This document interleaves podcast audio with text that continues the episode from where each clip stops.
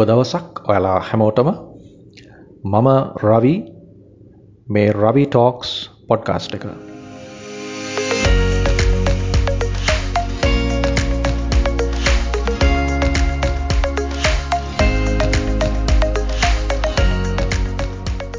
අද දෙදස් විසි එකේ අගෝස්තු තිස්වනිදා අද අපි කතා කරන්න යන්නේ අපේ ජීවිතයට හැමදාටම වැදගත් වෙන දෙයක් ගැන. මේ අහන ඔයාලා අතරේ අවුරුදු 40ට වැඩි කට්ටිය ඉන්නවනම් එයාලට මේ අද කතා කරන දේ මම වෙන් කරනවා විශේෂයෙන්.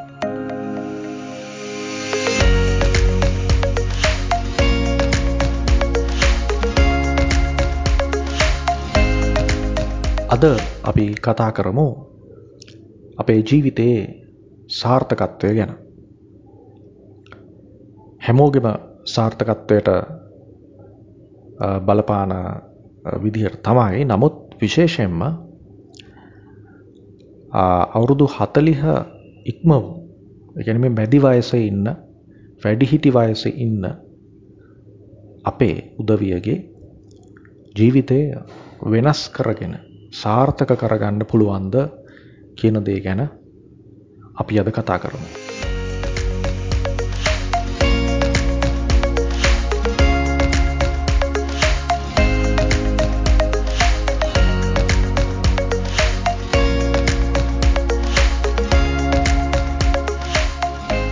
මෙහෙම කියනකොට කෙනෙක්ට හිතෙන්න පුළුවන් මැදි වයසක් පැන්නට පස්සේ මොන සාර්ථකත්වයක් ගැනද කතා කරන්නේ ජීවිතේ සාර්ථක වෙලා ඉන්න බෑ මැදි වයස වෙනකොට එහෙම නැත්තම් ඒක අසාර්ථක ජීවිතයක් නේද කියලා කෙනෙක්ට හිතන්න පුළුවන්. ඉතින් මෙහෙම මානසිකත්වයක් ඇත්තටම නම් අපේ අපේ සමාජයේ තියෙනවා. මේක අපි ලෝකේ අනිත් තැන්වල හොයලා බලනකොට මෙහෙම සමහර අපේට සමාන සමාජ සංස්ථාවල සමාජ රටාවල් තුළ මේක මුල් බැහැගෙන තියෙන්න පුළුවන්. නමුත් වෙනත් රටවල් වල වෙනත් සමාජයන් වල ලෝකේ මෙහෙම හිතන්නේ නැහැ. එයාලා හැම වෙලේම දියුණුව අපේක්ෂා කරනවා. අලුතෙන් යමක් කරන්න බලනවා. අලුතෙන් හිතන්න බලනවා. අර අපි කියන්නේ රැඩිකල් විදිහට වෙනස් විදිහකට සමාජ සම්මතයේ තියෙන මූලික මුල් බැහැගත්ත යම් යම් අදහස් වලට විරුද්ධව අලුත් විදිහකට එයාලා හිතන්න උත්සාහ දරන ගතියක් තියෙනවා. ඒ නිසා වෙන්න ඇති ඒ කට්ටියගේ සමාජවල අපිට මේ අපි මේ හිතන මම මේ කියපු දේ අපි අර හිතයි කියන දේ කියන්නේ අපි මැදි වයස වෙනකොට සාර්ථක වෙලා ඉන්න ඕනේ නේද කියන කාරණය අපි ඒ කට්ටිය එච්චර හිතන්නේ නැහැ. නමුත් අපේ ජීවන රටාව තුළ අපි දැකලා තියෙන නිතරම මේ මෑතක් වෙනකල්ම පාසල් ජීවිතය පාසලේ යම් ළමයෙක් ගැන අපි කතා කරනවා නම් ඒ ළමයා උසස් පන්ති වලට ආවහම සාර්ථක වීමක් ගැන අපි එච්චරම අහන්නේ දකින්නේ නැහැ. එතකොට යම් ළමයෙක් යම් පාසල් දරුවෙක් හොඳට වැඩ කරනවා නම් එයා අපි දකින්නේ අපි බලන්න දකින්න පුරුදු වෙලා ඉන්නේ කුඩා කාලේ ඉඳලම එයා හොඳට පර්ෆෝම් කරන හොඳට වැඩ කරන කෙනෙක් විදිහට තමයි අපි දකින්න පුරුදු වෙලා ඉන්නේ. නමුත් දැන් දැන් අපිට අහන්න ලැබෙනවා. සහ දැන් තියෙන සමාජ රටාව දැන් තියෙන පරිසරය තුල අපි දකිනවා. කුඩා පන්තිවලදී එච්චරම පර්ෆෝම් කරපු නැති එච්චර හොඳට වැඩ කරපු නැති එච්චර හොඳට ක්‍රීඩා කටයුතු නොකරපු එච්චර හොඳට සමිති සමාගම්වල කටයුතු නොකරපු දරුවෝ උඩ පන්තිවලදී ඉහළ පන්තිවලදී වඩාත් හොඳට ඒ දේවල් කරනවා. ඒ වගේම අපි පුරුදු වෙලා ඉන්නවා දකින්න අපේ සමාජය ඇතුලේ පාසල් ජීවිතය ඉවර කළා. ඊළඟට මේ දේ අපිට දැන් සාමාන්‍යයෙන් පේන්න තියෙන දේ මම කියන්නේ. ඊට පස්සේ උසස් අධ්‍යාපනයට යොමු වෙලා ඒ උසස් අධ්‍යාපනය කාර්මික අංශයෙන් වෙන්න පුළුවන්. විශ්වවිද්‍යාල අංශයෙන් වෙන්න පුළුවන්. පෞද්ගලික ආයතන වල වෙන්න පුළුවන්. මේ කොයි ආකාරයෙන් හරි උසස් අධ්‍යාපනය ලබලා ඉවර වෙලා එයාලා යම් රැකියාවකට යොමු වෙනවා.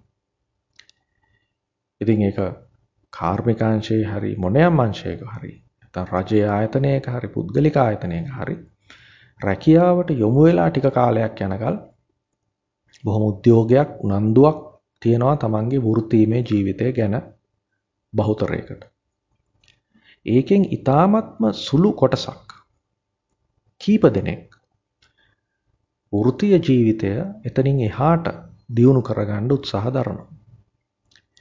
ඒකේ ප්‍රතිඵලයක් විදිහට අපි දකිනවා එයාලා ඒ ආයතනයේම හරි නැත්තම් වෙන යම් ආයතනවල තමන්ගේ වෘත්තීය ජීවිතය දියුණු කරගෙන තියෙනවා. එයාලා තමයි උඩ තැන්වල උඩ පුටුවල ඉන්න උදවිය. එතකොට ව්‍යාපාරයක් ගත්තත් ඒ ව්‍යාපාරික ක්ෂේත්‍රයේ මුල් අවස්ථාවේ පටන් අරගෙන ඒක හොඳට කරගෙන ගිහිල්ලා යම් මට්ටමකට ආවට පස්සේ එතනින් එහාට යන්නේ තාමත්ම සුළු පිරිසක්.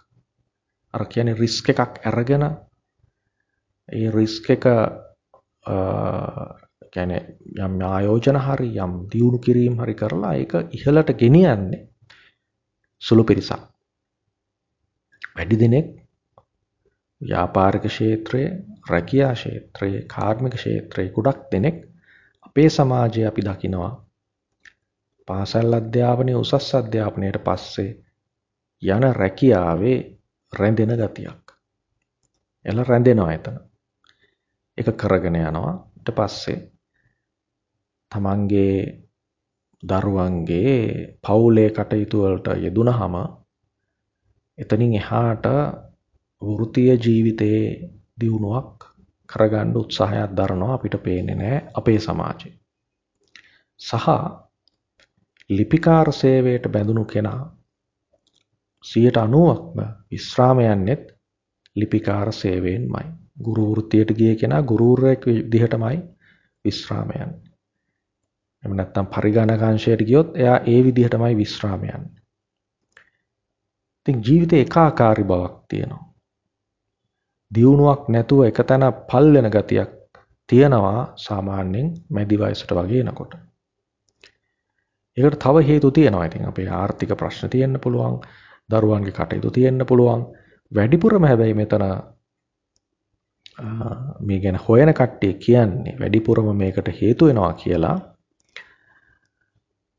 අර කම්ෆර්ට් සෝන් එක කියලා කියන්නේ. Tamanට සැප පහසු, Tamanට සුව පහසු පරිසරය Taman වටේ හදාගත්තාම රැකියාවට ගිහලා ඒ රැකියාව ඇතුලේ Tamanට සුව පහසු හුරු පුරුදු පරිසරය හදාගත්තාම එතනින් එහාට ජීවිතේ වෙනස් කරගන්න තව පියවරක් ඉදිරියට ගිහිල්ලා පොඩි කට්ටක් කණ්ඩ සාමාන්‍ය භාෂාවෙන් කියනවා නම් අපේ සමාජයේ වැඩි දෙනෙක් කැමති වෙන්නේ නැහැ.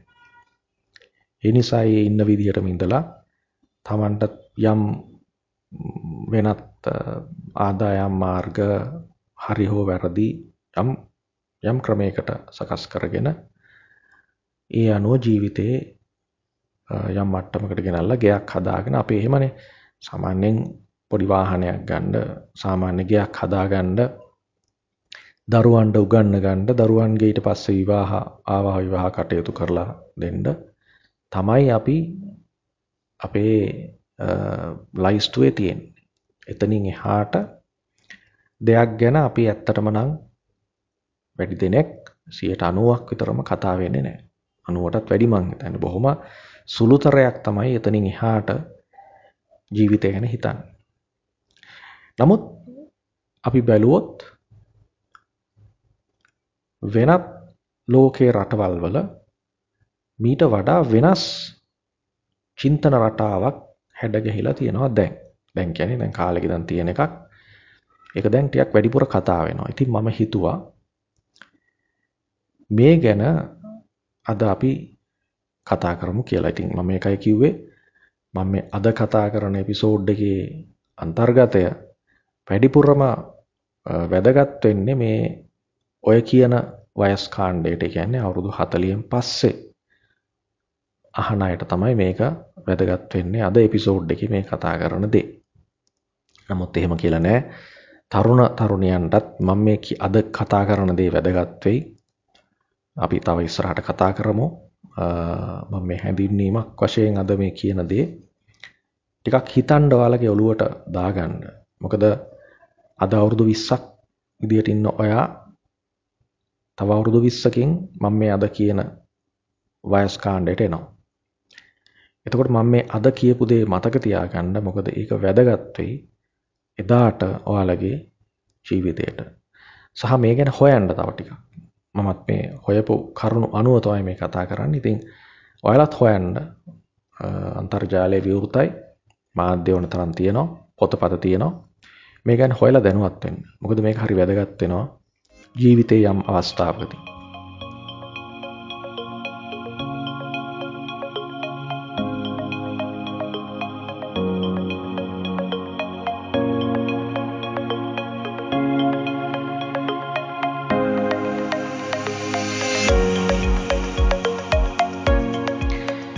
වෙනත් රටවල් බැලුවොත් එයාලා නිතරම මේ වෙනසක් ගැන උනන්දු වෙනවා. සතුට පසුපස හඹා යන ගතියක් තියෙනවා. එයාලගේ ජීවිතේ මම අර කියපු දරුවන්ට උගන්නලා ගෙයක් හදලා වාහනයක් අරගෙන ඊට පස්සේ දරුවන්ගේ විවාහ කටයුතු කළා ඉවර ඉවර කරලා ජීවිතේ ඉවර කරන ගතියක් එයාලගේ හරිම අඩුයි. අපිට පේන විදිහට එයාලා තෘප්තිමත් භාවය කියන එකට ලොකු තැනක් දෙනවා. ජීවිතයේ තෘප්තිමත් භාවය ගැන රැකියාවේ තෘප්තිමත් භාවය ගැන ඊළඟට සතුට ගැන ඊළඟට සමස්තයක් වශයෙන් දියුණුව ගැන එයාලා හැමදාම හිතනවා. එතකොට එක තැන පල්ලෙවි ඉන්නේ නැතුව තමන් හැම වෙලේම ඉන්න තැනින් තව පියවරක් ඉදිරියට තියන්නේ කොහොමද කියන එක ගැන එයාලා නිතරම වද වෙනවා හිතනවා. අන්න ඒක නිසා මේ කට්ටිය මේ මම කියන පැත්තෙන් අපිට වඩා ඉස්සරහට ගිහිල්ලා තියෙනවා. ඒකේ ප්‍රතිඵලයක් විදිහට තමයි අපි දකින්නේ. නේ උදාහරණ ගොඩක් මේ මේ මේක තියෙනවා. මම කීපයක් විතරක් කියන්නම් මම මට හොයාගන්න පුළුවන් වුණු උදාහරණ. අපි ගත්තොත් ඉන්නවා Uh, හැරි බර්න්ස්ටීන් uh, කියලා කෙනෙක්. හැරි බර්න්ස්ටීන්. එයා uh, ඇත්තටම නම් රචකයෙක් විදිහට තමයි ජීවිතේ ගත කරලා තියෙන්නේ. ඔය එක එක මාධ්‍ය ආයතනවල පොඩි ලිපි ලියපු කෙනෙක් විදිහට. චර ප්‍රසිද්ධ නෑ සාමාන්‍ය මේ මේ සේවකයෙක්ගේ මාධ්‍ය ආයතනවල. එහෙම ඉඳලා අවුරුදු 62 දී තමයි එයා විශ්‍රාම ගන්නෙ. ඒ කරලා වයස අවුරුදු 96 දී මෙයා පොතක් එලි දක්වනවා. නවකතාවක්. අවුරුදු 96 දී. ඒක ලොකු හිට් එකක් වෙනවා. ඒක ලෝක ප්‍රසිද්ධ වෙනවා. හැරි බර්න්ස්ටීන් කියලා. එතන ඉඳලා එයා තව පොත් හතරක් එලි දක්වනවා. එතකොට මේ කතෘවරයා අවුරුදු 96න් පස්සේ තමයි ලෝකය මෙයා ගැන දැනගන්නේ. තොර හිතලා බලන්න. ඒකල අවුරුදු 101 දී මෙයා ජීවිතෙන් සමගන්න. ඉතින් මෙහෙම වෙලා තියෙනවා. මේවා ලෝකේ වෙනවා. දැන් අපේ එහෙම සාමාන්‍යයෙන් අවුරුදු 60න් විශ්‍රාම ගත්තට පස්සේ ඔය ළමයින්ගේ ළමයි බලනවා පොඩි ඔය නම් මල් වගාවක් කරනවා වගේ දෙයක් ඇරෙන්න පොතක් ලියන්න එලි දක්වන්න එහෙම යොමු වෙන කට්ටිය කොච්චර අඩුයිද නමුත් මෙහෙම ලෝකේ පුරා වෙලා තියෙනවා. ඊළඟට තව ගත්තොත් තව උදාහරණයක් ගත්තොත් මේ Gap කියන GAP clothing store එක. මේ මේ ඇඳුම් කඩයක් එයාලා පටන් ගන්නේ අවුරුදු 40 දී. එතන ඉඳලා තමයි අද ලෝකේ පුරා ප්‍රසිද්ධ වෙච්ච මේ මේ මේ මේ ජාලාව ආරම්භ වෙලා තියෙන මේ ගැප් ආයතනය. ඊළඟට වෝල්මාර්ට් කියන ඒ රීටේල් ස්ටෝර්ස් ඒ නෙට්වර්ක් එකක් තියෙනවා. ලෝකේ ප්‍රසිද්ධ එකක්. ඒක පටන් අරන් තියෙන්නේ ඒ ඒ ඒ ව්‍යවසායකයා අවුරුදු 44 ඊළඟට අපි කවුරුත් දන්න දේනේ මේ කොලනල් සැන්ඩර්ස් කියන්නේ මේ KFC අධිපති නිර්මාතෘ එයා අවුරුදු 62 දී තමයි ඒ වැඩේට අත ගහලා තියෙන්නේ. ඊළඟට තව ඉන්නවා ජූලියා චයිල්ඩ් කියලා කෙනෙක්. එයත් අවුරුදු 50ක් වෙනකල්ම මාධ්‍ය ක්ෂේත්‍රයේ හිටපු සාමාන්‍ය සේවකයෙක් සේවිකාවක්.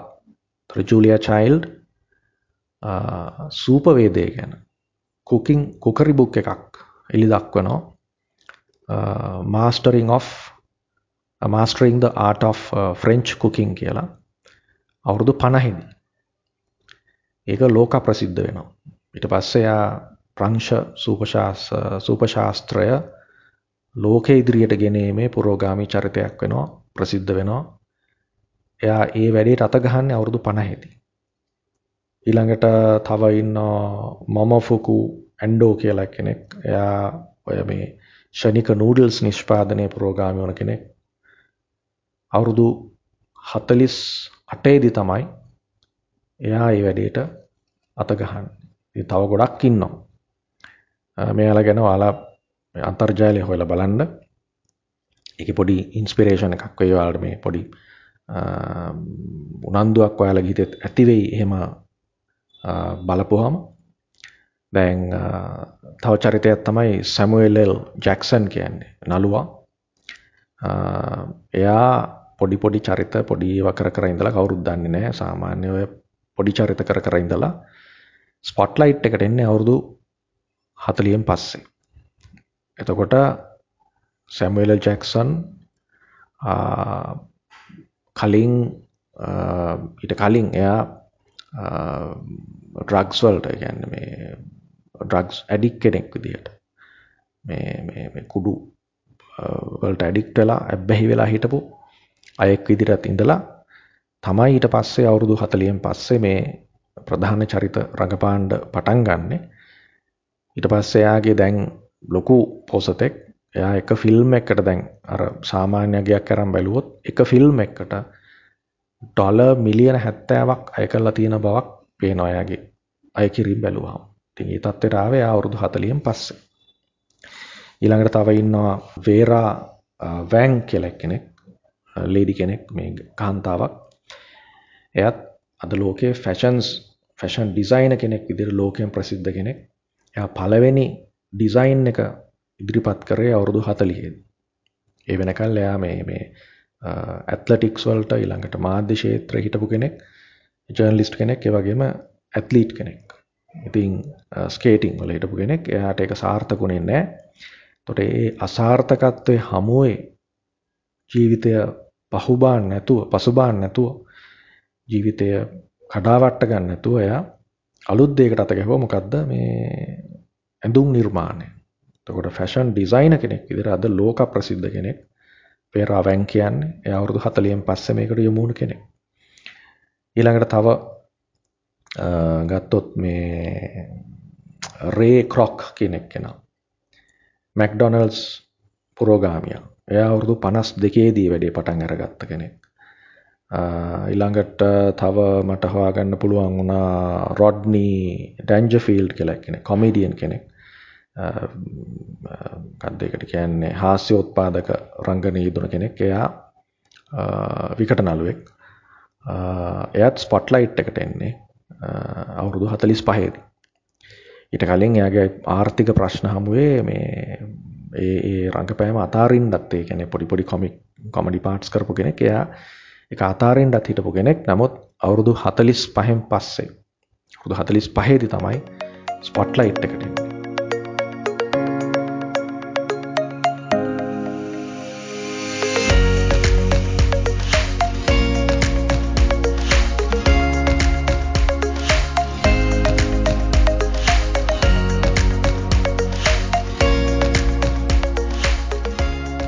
එන්නේ. මෙතන උදාහරණ කීපයක් විතරයි ඔයාලට මේ ඉදිරිපත් කරේ. තව ඕනේ තරම් තියෙනවා මේ මේ මේ ලෝකේ පුරා අවුරුදු 40න් පස්සේ අලුත් වැඩවලට අත ගහලා ජීවිතයේ අතිශයින්ම සාර්ථක කරගත්ත කට්ටිය. ඉතින් මේ ලෝකේ මහා පෝසත්තු වෙච්ච අයනේ. නමුත් අපි එතනින් මෙහා අපිට කතා කරන්න පුළුවන් අපේ සමාජයේ යම් ප්‍රමාණයකට අපේ ජීවිතය තවදුරටත් සාර්ථක කරගන්න අවුරුදු 40න් පස්සේ අපිට මොනවද කරන්න පුළුවන් කියන දේ ගැන. ඉතින් මෙතෙන්දි මම පොඩි රිසර්ච් එකක් කරපු එකක් මට දකින්න හම්බුණා මේ මේ මම හොයනකොට කරුණු. ඒකේ තියෙනවා පීරේ Uh, ඇසෝ ඇසෝලේ කියලා කෙනෙක් පීරේ ඇසෝලේ කියලා කෙනෙක් කරපු රිසර්ච් එකක්. Uh, එයා ව්‍යාපාර පටන් ගත්ත කියන්නේ ව්‍යාපාරිකයෝ ව්‍යවසායකයෝ මිලියන 2.7ක් කියන්නේ ව්‍යවසායකයෝ මිලියන 2.7ක් යොදාගෙන රිසර්ච් එකක් කරලා තියෙනවා. ඒකෙදි හොයාගෙන තියෙන දෙයක් තමයි අවුරුදු 50 හෝ ඊට වැඩියෙන් වයසකදී මේ මේ අලුතෙන් ව්‍යාපාර පටන් ගත්ත කට්ටිය අවුරුදු 30 වගේ ව්‍යාපාර පටන් ගත්ත කට්ටියට වඩා දෙගුණයක් සාර්ථක වෙලා තියෙනවා කියලා. මේක මේ සේමසේ රිසර්ච් එකක්. මේ සමීක්ෂණයක් නෙවෙයි. පීරේසෝලි කියලා කෙනෙක් 2.7 මිලියන්, ඒ කියන්නේ මිලියන 2.7ක් ව්‍යවසායකයෝ යොදාගෙන කරපු මේ මේ සොයා ගැනීමක්. එතකොට මේකෙදි කියනවා මොකද්ද අවුරුදු 50 අවට වයසකදී ව්‍යාපාර පටන් ගත්ත අය අවුරුදු 30 30 අවට ව්‍යාපාර පටන් ගත්ත අය වගේ දෙගුණයක් සාර්ථක වෙලා තියෙනවා කියලා. එතකොට ඒකෙත් යම් බරක් තියෙනවා අපිට හිතන්න යම් දෙයක් තියෙනවා. එතකොට මේ ලෝකේ වටා උදාහරණ ටිකක් අපි කතා කරා. ඊළඟට මේ එක රිසර්ච් එකක් ගැන මම සඳහන් කරේ. මට ටිකක් වැඩිපුර දැනුණ රිසර්ච් එකක් ගැන. ඉතින් ඒ දෙකෙන්ම අපිට පේන දෙයක් තමයි මේක මේ බොරුවක් නෙවෙයි. මේක නොකර මේ කරන්න බැරි දෙයක් නෙවෙයි. වෙනසකට තියෙන්නේ අපේ සමාජයේ අපේ අපේ අපිට හුරු පුරුදු රාමුව ඇතුලේ අපිට මේ දේ වැඩිය හුරු නැති ගතියක් තියෙනවා. ඉතින් අපි ඒකෙන් මිදිලා අපේ චින්තන රටාව නිදහස් කරගෙන අපි මේකට යොමු වෙන්නේ කොහොමද කියන එකයි වැදගත් ඒක තමයි අද මම මේ පොඩි ටේස්ට් එකක් ඔයාලට දෙන්න හිතුවේ පොඩි මේ පොඩි නිකන් උත්තේජනයක් දෙන්න හිතුවේ මේ ගැන ටිකක් හොයන්න මේ ගැන හිතන්න ඊළඟට මේ ගැන ක්‍රියාත්මක වෙන්න පටන් ගන්න කියලා ඔයාලට මතක් කරන්න. මම හිතනවා ඒක ඔයාලගේ ජීවිතේට ඒ වගේම ඔයාලගේ පවුලේ අයගේ ජීවිතේට ඔයාලගේ දරුවන්ට වගේම අපේ රටට ලොකු දෙයක් වෙයි විශේෂයෙන්ම මේ මේ වගේ මේ වසංගතයක් ක්‍රියාත්මක වෙලා පවතින ඔක්කොම නිකන් මානසිකව වැටිලා ඉන්න කාලයක් වැඩි දිනෙක. ඉතින් මේ වගේ කාලෙකදී අපි හැමෝම කොරෝන ගැනයි අපේ මරණ ගැනයි අපේ කඩාවැටීම ගැනයි කතා කර කර ඉන්නේ නැතුව මේ වගේ මේ ධනාත්මක විදිහට මිනිස්සුන්ට නැගිටින්න පුළුවන් මිනිස්සුන්ට ජීවිතේ වෙනස් කරගන්න පුළුවන් විදිහක් ගැන කතා කරොත් මට හිතෙනවා ඒක වඩාත් ප්‍රයෝජනවත් වෙයි කියලා.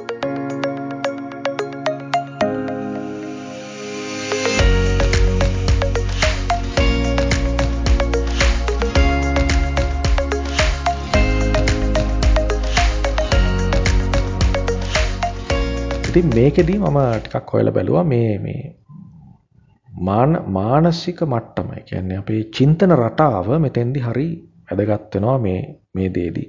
ඉතින් මෙතෙන් තව දෙයක් තමයි මේ ජීවිතේ වෙනස් කර ගැනීම.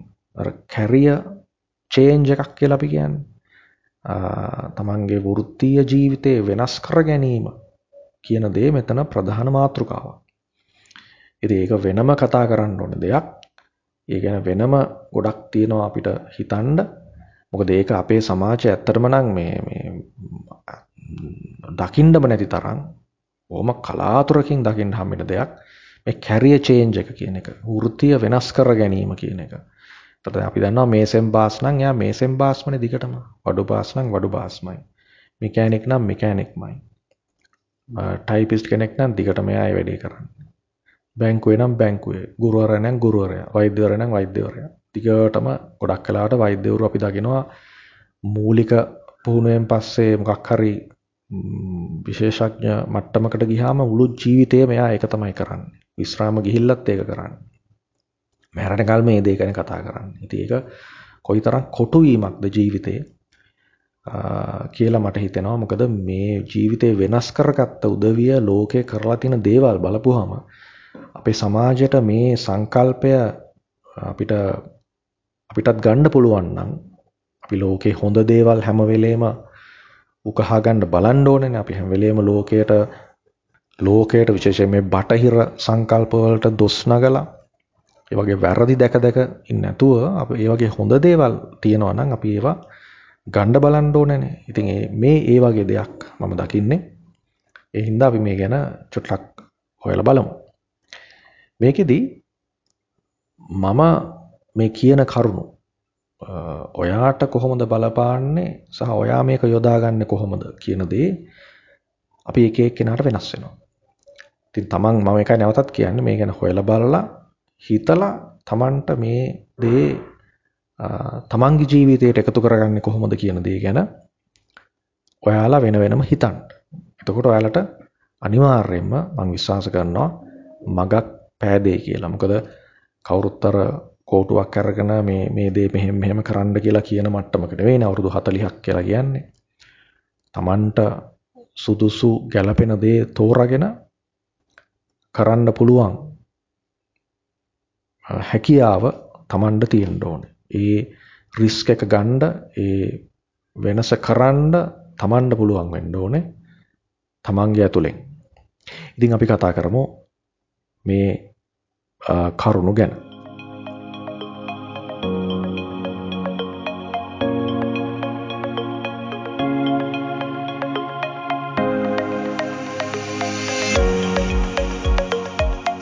එතකොට පළවෙනි දේ තමයි යාලා කියන්නේ මේ කම්ෆර්ට් සෝන් එක කියන එක. يعني මේ දැනට අපි ඉන්න මට්ටම මේ ඉන්න ස්ටේජ් එක මේ ඉන්න වටපිටාව Tamanට සෑහීමකට පත් වෙනවාද කියන එක ඉස්සල්ලා හිතලා බලන්න ඕනේ. එතකොට අපිට හිතෙනවා නම් නෑ මේක අපි වෙනස් වෙන්න ඕනේ අපි බොහොම සෑහීමෙන් සෑහීමකට පත් වෙලා ඉන්නේ කියලා අපිට හිතෙනවා නම් එතනින් එහාට මම මේ කියන මාර්ගයට යමු වෙන්න බෑ. මොකද ඒක කරන්න බෑ. ඒක තමන් ඒ කම්ෆර්ට් සෝන් එකේ තමන්ට සුව පහසු අපසරිය නම් තමන් ඉන්නේ. එතනින් එහාට තමන්ට වෙනත් මාවතක් ගැන හිතන්න අවශ්‍යතාවයක් යෙදෙන්නේ නැහැ. නමුත් යම් කෙනෙකුට හිතෙනවා නම් තමන් මේ තමන්ගේ වෘත්තිය ඇතුලේ හරි තමන්ගේ ව්‍යාපාරය ඇතුලේ හරි ස්ථාවර මට්ටමක තියෙන්න පුළුවන්. නමුත් ඒකේ යම් වෙනසක් කරන්න ඕනේ කියලා එහෙමනම් ඔයාට මේ දේ වැදගත් වෙන්නේ. එතකොට තමන් සෑහීමකටපත් වෙලා තමන් කොටු වෙලා හිර වෙලා නම් ඉන්නේ පොඩ්ඩක් හිතලා බලන්න ඕනේ මේක ඇත්තටම අපි සෑහීමකටපත් වෙලාද ඉන්නේ නැත්නම් මේකේ මොනවා හරි අපේ හිත ඇතුලේ ගැඹුරේ තියනවාද පොඩි කලකිරීමක් කියන දේ. Tamanට මදි ගතියක්, සෑහීමකටපත් නොවන ගතියක්, කලකිරීමක් ඇතුලාන්තයේ තියනවා නම් තමයි අපිට වෙනසකට යොමු වෙන්න හිතෙන් වෙනසකට යොමු වෙන්න ඩ්‍රයිව් එකක් එන්නේ. ගැම්මක් එන්නේ. එහෙම නැත්තම් අපිට ඒ දෙයට යෙදෙන්න වෙන්නේ නැහැ. ඒ හින්දා ඉස්සල්ලාම දේ තමයි තමන් එහෙම කලකිරීමකට නොසතුටුකමකට පත් වෙලා නම් ඉන්නේ තමන්ගේ වෘත්තීය ජීවිතය සම්බන්ධයෙන් තමන්ගේ ව්‍යාපාර කටයුතු සම්බන්ධයෙන්. අපි එතනින් එළියට එන්න හිත හදා ගන්න ඕන කියලා කියනවා මේ මේ ගැන හොයන කට්ටිය. තමන්ට සෑහීමකටපත් වෙලා තමන් හිර වෙලා ඉන්න ගතියෙන් හිත නිදහස් කරගන්න එක තමයි පළවෙනි පියවර වෙන්නේ මේ ක්‍රියාන්විතයේදී. එහෙම නැත්තම් මේක කරන්න බෑ. ඉතින් ඒක තමන් ඉස්සල්ලා හොයලා බලන්න ඕනේ තමන් ඇත්තටම තමන්ගේ යම් කලකිරීමක් තියනවාද කියලා මේ වෘත්තීය ජීවිතය සම්බන්ධව. ඒ කරලා හිත හදාගන්න කියලා කියනවා වෙනසක් ඇති කරගන්න. ඒක නිර්භීතව හදාගන්න ඕන දෙයක්. ඊළඟට තව වැදගත් දෙයක් තමයි ඒ ඔය කියන කාලේ වෙනකොට දැන් අවුරුදු 40ක් විතර කියන්නේ. ඒතර අවුරුදු තමන්ගේ තේරෙන වයස බැලුවොත් අවුරුදු 30ක් විතර අපේ සිතුවිලි රටාව පුරුදු වෙලා ඉන්නවා යම් ක්‍රමයකට හිතන්න. අපිට පුරුදු සිතුවිලි රටාවක් තියෙනවා අපි හැඩ ගැහුණු අපේ හිත පුරුදු වෙලා ඉන්න විදිහක් තියෙනවා හිතන්න. කියන්නේ අපි නිදා ගන්න වෙලාව වෙන්න පුළුවන්, නැගිටින වෙලාව වෙන්න පුළුවන්, අපේ පුරුදු වෙන්න පුළුවන්. අපි කතා කරන දේවල් වෙන්න පුළුවන්, අපි කියවන දේවල් වෙන්න පුළුවන්, අපි රූපවාහිනිය හරි අන්තර්ජාලය හරි නරඹන දේවල් වෙන්න පුළුවන්. අපි හොයන දේවල් වෙන්න පුළුවන්. ඔය හැම දෙයක්ම අවුරුදු 30ක විතර පුහුණුවක් අපි ලැබපු පුහුණුවක් තියෙනවා. ඒතර මේ පුහුණුවම තියාගෙන මේ හුරු පුරුදු ටිකම තියාගෙන මේ චින්තන රටාවම තියාගෙන බෑ අපිට වෙනසක් ඇති කරගන්න. අපිට වෙනසක් ඇති කරගන්න හිතෙන්න පුළුවන්. නමුත් ඒක මදි. ඒක කරගන්න නම් අපේ අර කියපු චින්තන රටාව වෙනස් කරගන්න ඕනේ. අපේ පුරුදු ටික වෙනස් කරගන්න ඕනේ. අන්න ඒකට හිත හදා ගන්න ඕනේ ඊළඟට. එතකොට ඒ තමන්ගේ වෙනසට අවශ්‍ය වෙන අලුත් කරුණු හොයන්න තමන්ගේ අඩුපාඩු මොනවද තියෙන්නේ තමන්ට හදාගන්න තමන්ගේ ජීවිතේ මොනවද තියෙන්නේ කියන දේ තමන් අඳුරගෙන ඒක වෙනස් කරගන්න ඉදිරිපත් වෙන්න ඕනේ නිර්භීතව. බය නැතුව ඒකට ඉදිරිපත් වෙන්න ඕනේ. ඒකට ධෛර්යය ඇති කරගන්න ඕනේ. ඒතොර ඒකෙදි ඒක මත්පැන් භාවිතය වෙන්න පුළුවන්. තුම් මැටි භාවිතය වෙන්න පුළුවන්. වැඩිපුර නිදා ගන්න එක වෙන්න පුළුවන්. වැඩිපුර කන එක වෙන්න පුළුවන්. කාලා දවල්ට ඔහේ නිදාගෙන ඉන්න ගතියක් වෙන්න පුළුවන්. එහෙම නැත්නම් පොතපත කියවන්න තියෙන මැලිකමක් වෙන්න පුළුවන්. අලුත් දේ හොයන්න තියෙන මැලිකමක් වෙන්න පුළුවන්. මේවා වෙනස් කරගන්න ඕනේ. මේවා අපේ උපතින් ගෙන ආපු ඒවා නෙවෙයිනේ. අපි අවුරුදු ගාණක් තිස්සේ ටික ටික අපේ ඇඟට දිරවපු යම් යම් පුරුදු. ඉතින් මේවා වෙනස් කරගන්න එක තමයි ඊළඟ වැදගත්ම කාරණය විදිහට මෙයාලා කියන්නේ. මේ මේ මේ මේ ගැන හොයන රිසර්ච් කරන කට්ටිය හොයන දේවල් මම මේ ඔයාලට ඉදිරිපත් කරන්නේ. මම හිතන දෙයක් නෙවෙයි. ලෝකේ මේ ගැන කතා වෙන දේවල්. එතකොට මේ ජීවිතය වෙනස් කරගන්න හිතපු ඔයා ඊළඟට මේ වෙනස් මේ මේ තමන්ගේ පුරුදු වෙනස් කරගන්න හිතපු කෙනා කැමැත්තෙන්ම ඒ වෙනස් කිරීමේ පුරුදුවල චින්තන රටාවේ වෙනස් කිරීම ඇති කරගන්න උත්සාහ දරන්න කියලා එයාලා කියනවා. එහෙම නැත්නම් මේක යථාර්ථයක් බවට පත් වෙන්නේ නැහැ. මේක නිකන් හිතුවිල්ලක් විතරක් වෙලා නතර වෙනවා. ඊළඟ වැදගත්ම කාරණය තමයි මේ අසාර්ථක වීම කියන එක. මේකේ කොටසක් මේ ජීවිතේ වෙනස් කර ගැනීමේ කොටසක් කියන එක Taman දැනගන්න ඕන. මොකද අපි දැන් මේ කම්ෆර්ට් zone එකේ ඉන්නේ. අපිට මේ හුරු පුරුදු පහසු අපසරි අපි ඉන්න ගමන් තමයි අපි මේ වෙනස් දෙයකට යොමු වෙන්න යන්නේ. එතකොට ඒකෙදි යම් යම් අසාර්ථක වීම බිඳ වැටීම් වෙන්න පුළුවන්. ඉතින් එහෙම දේවල් පිළිගන්න, එහෙම දේවල් වලදී නොසැලී ඉන්න තමන් හිත හදාගන්න ධෛර්යය ඇති කරගන්න ඕන. තමන් ශක්තිමත් වෙන්න ඕනේ. අසාර්ථක වීම හමුවේ පසුබසින් නැතුව ඉදිරියටම යන්න. ඉතින් ඒක අනිවාර්යයෙන්ම අසාර්ථක වීම ඇති වෙන්න පුළුවන්. නමුත් අපි පොඩි ළමයි විදිහට මේ නිකන් මේ මේ බොළඳ දේවල් කරනව නෙවෙයිනේ යම් යම් බැරෑරුම් කමක් ඇතුව යම් විදිහකට හිතලා අලුත් දෙයක් මේ කරන්න යන්නේ. ජීවිතේ වෙනසක් ඇති කරගන්න යන්නේ. වෘත්තියේ වෙනසක් ඇති කරගන්න යන්නේ. ව්‍යාපාරයේ වෙනසක් ඇති කරන්න යන්නේ. ඉතින් මේකෙදි යම් මට්ටමකට ගොඩක් අපි හිතලා කල්පනා කරලානේ මේකට යෙදෙන්නේ. එතකොට මහා බිඳ වැටීම් වෙන මේ පිස්සු වැඩ කරනව නෙවෙයි අපි යම් බිඳ වැටීමක් බලාපොරොත්තු කඩවීමක් වෙන්න පුළුවන්. නමුත් එතනින් නතර වෙන්නේ නැතුව තමන්ගේ අර ඉලක්කයට යන්න බලන්න ඕනේ. ඊළඟ කාරණය තමයි මේ ඉලක්කය මම මේ දැන් කියපු වචනේ. මොකද මේ මේ ටැන්සිල් වොෂින්ටන් කියලා දැන් ඔය නළුවෙක්නේ ඇමරිකන් එයා එයාගේ ගොඩක් ඔය මේ සම්බන්ධ කතා තියෙනවා මේ ජීවිතය ගැන කතා කරනවා දැන් අලුත් චින්තනය ගැන එයා කතා කරනවා. ඉතින් එයාගේ එක එක වැකියක් මට හිතට ඇල්ලුවා. මොකක්ද එයා කියනවා? ඒක මම සිංහලෙන් කියනවා නම් ඉලක්කයක් නොමැතිව කරන සිහින මැවීම උදෙක් සිහිනයක්ම පමණයි. කියන්නේ ඉලක්කයක්, ගෝල් එකක්, ටාගට් එකක් නැතුව කෙනෙක් සිහින මවනවා නම් බලාපොරොත්තු ඇති කරගෙන සිහිනමවමව ඉන්නවා නම් ඒක හුදෙක් සිහිනයක්ම පමණයි. කියන්නේ සිහිනයක් අපි දැකලා නැගිට්ටා වගේ වෙනවා. හැමදාම හීන දැක දැක ඉන්නවා. නමුත් ඉලක්කයක් නැත්තම් ගෝල්ස් නැත්තම් ටාගට්ස් නැත්තම් ජීවිතේ එයා නිකම්ම සිහින දකින්නෙක් ඩ්‍රීම කෙනෙක් විතරයි කියලා එයා කියනවා. ඉතින් ඒක කොච්චර ඇත්තද බලන්න. දැන් ඔය අපි දැන් ධනාත්මක චින්තනය ගැන කතා කරනවා. හැමදාම උදේට මෙහෙම හිතන්න කියලා කතා කරනවා මම අහවල් විදියට පෝස්ට් එක් කරනවා අහවල් විදියට කරනවා කියලා. නමුත් ඒකෙදි ලොකු ගෝල්ස් ලොකු ඉලක්ක ඉස්සල්ලා ඇති කරගන්නවා නම් කියන්නේ මම තව අවුරුදු 5කින් මගේ වෘත්තිය මෙන්න මේ විදිහට වෙනස් කරගන්නවා. මෙන්න මේ විදිහේ දියුණුවක් ඇති කරගන්නවා. මම මෙතන මේ ඉඳලා මම හරියන්නේ මම මෙන්න මේ විදිහේ දියුණුවක් මගේ වෘත්තියේ මගේ ව්‍යාපාරය ඇති කරගන්නවා කියලා ඉස්සල්ලා කෙනෙක් ලොකු ගෝල් එකක් ඉලක්කයක් ඇති කරගන්න ඕනේ. හදා ගන්න ඕනේ.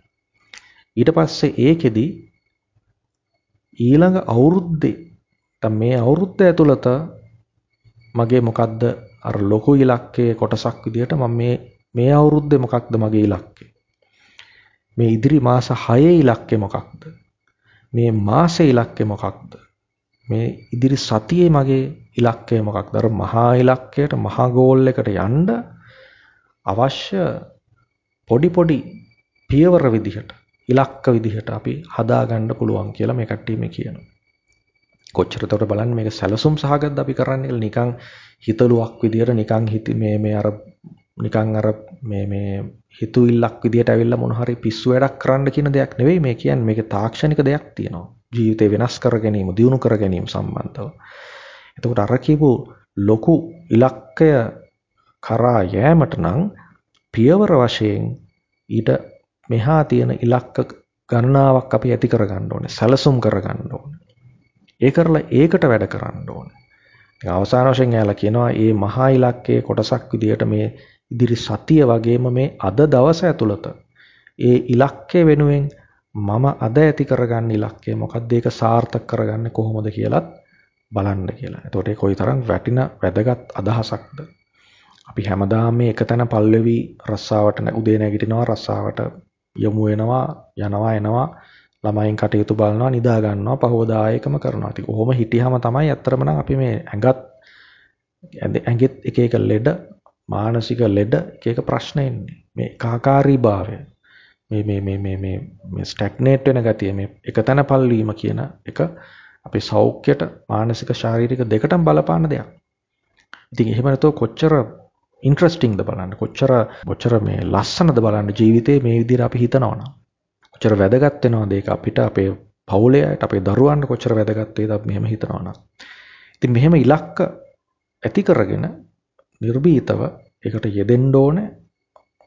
ඒ වගේම නිවැරදිව තමන්ගේ සිතකය යොදවන්න ඕනේ වෙනුවෙන්. ඒ ඉලක්ක සාර්ථක කර ගැනීම සඳහා.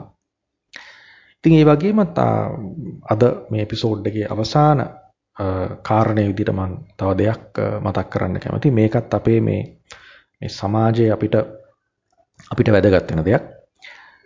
මොකද්ද මේ අපි දකිනවා අපේ මේ දියුණු වෙච්ච ව්‍යාපාරික වශයෙන් හරි වෘත්තීමය වශයෙන් හරි දියුණු වෙච්ච කෙනෙක් අපි දකිනකොට අපේ එකපාරටම අපේ හිතට එන්නේ මොකක්ද? ආ මෙයාට එක්කෝ ධනය මෙයා ධනවතෙක් වෙන්න ඇති. මේ ධනය තියෙන්න ඇති, සල්ලි තියෙන්න ඇති අතේ මේ ව්‍යාපාරයට යොදවන්න. අපිට එහෙම හිතෙනවනේ නැද්ද? අපිට එහෙම හිතෙනවා. එහෙම නැත්තම් අපි හිතනවා නෑ. එහෙම නැත්තම් මෙයාට හොඳ අවස්ථාවක් ලැබෙන්න ඇති. අපි කතා වෙන ඔය සල්ලි තිබ්බටම බෑ. හැකියාව තිබ්බටම බෑ. අවස්ථාව යෙදෙන්න ඕනනේ. ඉතින් හොඳ අවස්ථාවන් opportunities කියලා අපි කියන්නේ. opportunity එකක් මෙයාට ලැබෙන්න ඇති. ඒක තමයි මේ මේ මේ මේ මේ දියුණුවට හේතුව කියලා අපි හිතනවා. එහෙම නැත්නම් අපි හිතනවා නෑ මෙයාට හොඳ දැනුමක් ඇති. පොතේ පතේ හොඳ දැනුමක් ඇති මෙයාට. හොඳ දැනුවත් පුද්ගලයෙක් මෙයා. උගතෙක්. ඒක තමයි මෙයාගේ මේ දියුණුවට හේතුව කියලා. ඒතකොට අපේ සමාජයේ අපි පුරුදු වෙලා ඉන්නවා මේ එක්ක දැනුම එහෙම නැත්නම් ධනය එහෙම නැත්නම් සම්බන්ධතාවයන් හැකියාව කියන්නේ මේ මේ අවස්ථාව කියන මේ තුන තමයි අපේ දියුණුවට හේතු වෙන්නේ කෙනෙක්ගේ කියලා හිතන්නේ. ඉතින් මේ තුන නැත්තම් කියන්නේ සල්ලි නැත්තම් opportunities නැත්තම් උගත්කම මේ නැත්තම් කෙනෙක්ට දියුණු වෙන්න බෑ. වෙන මාර්ගයක් නෑ කියලා අපි හිතන ගතියක් තියෙනවා. ඉතින් මේ දියුණුව ගැන හොයන ලොකු පිරිසක් ඉන්නවා ලෝකේ අපේ එච්චර එක හොය නැති වුණාට මේ කට්ටිය කියනවා මීට වඩා ලොකු වත්කම් ප්‍රමාණයක් අපි හැමෝම ළඟම තියනවා කියලා. අපි හැමෝ ළඟම තියනවලු ඒක. ඔක්කොටම සල්ලි නැහනේ. නමුත් ඔක්කොටම තියෙන වටිනා වත්කම් සමූහයක් තියෙනවා කියලා මේ කට්ටිය කියනවා. එතකොට අපි දැනගන්න ඕනලු අපේ ජීවිතේ සාර්ථක කරගන්න අපේ වෘත්තිය හරි අපේ ව්‍යාපාරය හරි මොකක් හරි සාර්ථක කරගන්න අපි තුල තියෙන ඒ වත්කම් සමූහය යොදා ගන්න. දැන් මොනවද මේ වත්කම්? ගොඩක් තියෙනවා මම කීපයක් කියන්න. එක තමයි ඉවසීම කියන එක. ඉවසීම අපි හැමෝටම නෑ හැමෝලඟම තියෙනවා. නමුත් ප්‍රකට වෙන්නේ කී සමහර අයට විතරයි. ඒකත් එක එක මට්ටම් වලින් තියෙනවා. ඒතර තමන්ගේ සාර්ථකත්වයේ උදෙසා වෘත්තීය සහ ව්‍යාපාරික මට්ටමේ සාර්ථකත්වය සඳහා මේ ඉවසීම කියන එකත් වැදගත් වත්කමක් විදිහට යාලා කියනවා. තව එකක් තමයි බාධක නොතැකී කියන්නේ බාධක හමුවේ නොසැලී ඉදිරියට යන ගතිය. එකත් බොහොම වටිනා වත්කමක්.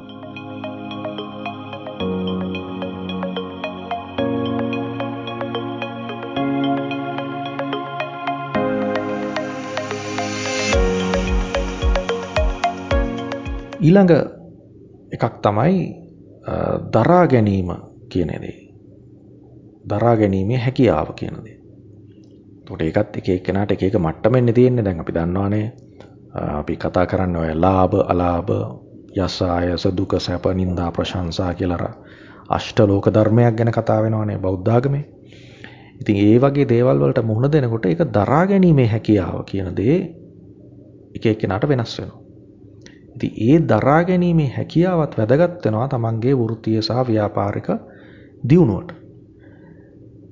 තව එකක් තමයි බාධක නොතැකීම කියන කියන්නේ බාධක එනවානේ මම අර කලිනුත් කිව්වේ මේ මේ වෙනස ඇති කරගත්තාම අසාර්ථක වීම ඊළඟට නොයෙකුත් පිටින් එන බාධක ඊළඟම ඒ වගේම තමන්ගේ පවුල ඇතුලෙන් එන බාධක තමන් ඇතුලෙන් එන බාධක ලෙඩ දුක් ඒ වගේ නොයෙකුත් බාධක එන්න පුළුවන්. ඉතින් මේ බාධක නොතකා ඉදිරියටම යෑමේ ඇති හැකියාවත් එක එක්කෙනාට වෙනස්. ඉතින් ඒකත් එක එක්කෙනා ළඟ තියෙන මට්ටමින් තමන්ගේ සාර්ථකත්වයේ උදෙසා යොදා ගැනීම කරන්න ඕනේ. තව බැලුවොත් එකක් තමයි වෙහෙසීමට ඇති කැමැත්ත නැත්තම් කම්මැලි නැතිකම කියන එක. එතකොට කම්මැලියෙක්ට දියුණු වෙන්න බෑ කියලා දෙයක් අද අපි දකින්නේ අපි දකිනවා උදේට නැගිටින්න කම්මැලි මූණ හොද ගන්නවත් කම්මැලි අර ගෙදරින් එළියට බහින්න කම්මැලි මිනිස්සු සමහර අය ඉන්නවා ඔය අන්තර්ජාලය හරහා මහා ලොකු ධනයක් හොයන. ඉතින් එයාලා ලොකු ව්‍යාපාරිකයෝ හොයන මට්ටමින් ධනය හොයනවා මේ අන්තර්ජාලය හරහා. ඉතින් එතකොට කම්මැලිකම කියන එක සමහර අයට තියෙනවා සමහර අයට නැහැ. සමහර අයට කම්මැලිකම නැති බව කියන එක කාර්යශීලී බව කියන එක අපිට යොදා ගන්න පුළුවන් එක එක්කිනාට එක එක මට්ටමින් Tamange ව්‍යාපාරික සහ වෘත්තීමේ දියුණුව උදෙසා. ඒ වගේම තමයි ඔය කරුණාව මෛත්‍රිය කියන එක බුද්ධිය කියන එක ඒ වගේම ආදරය වගේ හැඟීම් කියන එක ළඟට තමන්ගේ ඇතුලේ තියෙන යම් යම් නොයෙකුත් කුශලතාවයන් මේ හැම දෙයක්ම වත්කම් විදිහට සලකනවා මේ මේ මේවා ගැන හොයන මේ මේ අය. ඉතින් ඒක ඒ හැම වත්කමක්ම Taman ළඟ තියෙන ප්‍රමාණය Tamanට හැකි උපරිම මට්ටමින් නිවැරදිව යොදා ගැනීම අපේ දියුණුවට බලපානවා කියලා දියුණුවට හේතු වෙනවා කියලා මේ කට්ටිය සඳහන් කරනවා. ඉතින් මම මේ අද මේ ඉදිරිපත් කරේ අපේ ජීවිතය සාර්ථකත්වයට විශේෂයෙන්ම වෘත්තීයමය නැත්නම් ව්‍යාපාරික ජීවිතයේ සාර්ථකත්වයට හේතු වෙන කරුණු කීපයක්. ඒ වගේම අපේ අවුරුදු මැදි වයසෙන් පසු අපේ ජීවිතේ වෙනස් කරගන්න පුළුවන්ද? වෙනස් කරගන්නවා නම් මොන වගේ දේවල් ගැනද අපි හිතන්න ඕනේ කියන දේ ගැනත් අද අපි කතා කරා. ඒ වගේම ලෝකයෙන් උදාහරණ කීපයකුත් ගෙනහැර දැක්වුවා මේ දේ සම්බන්ධව.